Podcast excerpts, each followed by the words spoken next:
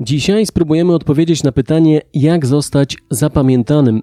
Jarek Brzeski, dzień dobry i zapraszam do wysłuchania najnowszego odcinka Networkingu w biznesie. Niniejsza audycja powstała na podstawie materiału wideo opracowanego przez Macieja Świerczyńskiego, dyrektora regionalnego BNI Polska. Pamiętacie podcast sprzed kilku tygodni poświęcony zasadzie VCP?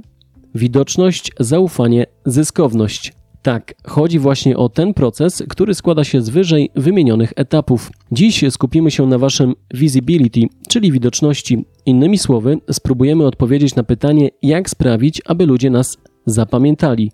Pozytywnie, rzecz jasna. Punkt pierwszy i jeden z najważniejszych. Widoczność, czyli krok pierwszy, Nasze V może być pozytywna lub negatywna. Najważniejsze, żebyśmy w swoich działaniach oscylujących wokół personal brandingu skupiali się na widoczności dodatniej, tej pozytywnej. No ale co zrobić, żeby nowo poznany człowiek zapamiętał nas na 100% i to w dodatku jako osobę profesjonalną, sympatyczną i godną zaufania?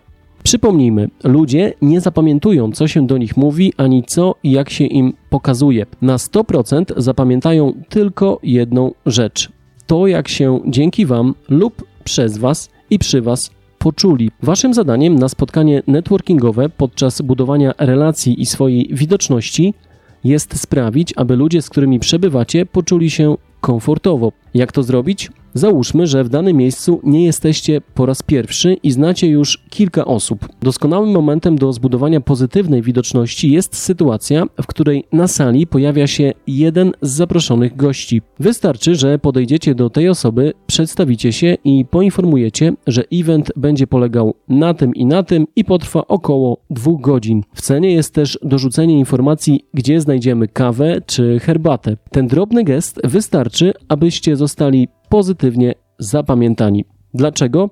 Bo dzięki Wam wspomniany gość pozbył się właśnie uczucia dyskomfortu. Wasza otwartość i życzliwość przegnała jego niepewność, która była wywołana obecnością w nowym miejscu i dużą liczbą nieznanych mu osób. Spróbujcie i dajcie znać w komentarzach, jakie efekty udało się Wam osiągnąć. Kolejnym świetnym sposobem na zbudowanie pozytywnego V jest rzetelność, czyli dotrzymywanie danego słowa i spełnianie tzw. Tak mikroobietnic. Powiedzieliście swojemu rozmówcy, że wyślecie mu link do książki, którą ostatnio przeczytaliście? Jeśli tak, to zróbcie to koniecznie. W przeciwnym razie zostaniecie zapamiętani jako ludzie, którym nie można ufać i zyskacie u tego człowieka negatywną widoczność. Jednocześnie zamkniecie sobie drogę do przejścia do kolejnego etapu poprawnego uprawiania networkingu. Zgodnie z zasadą VCP to jest do etapu zaufania, czyli nasze C.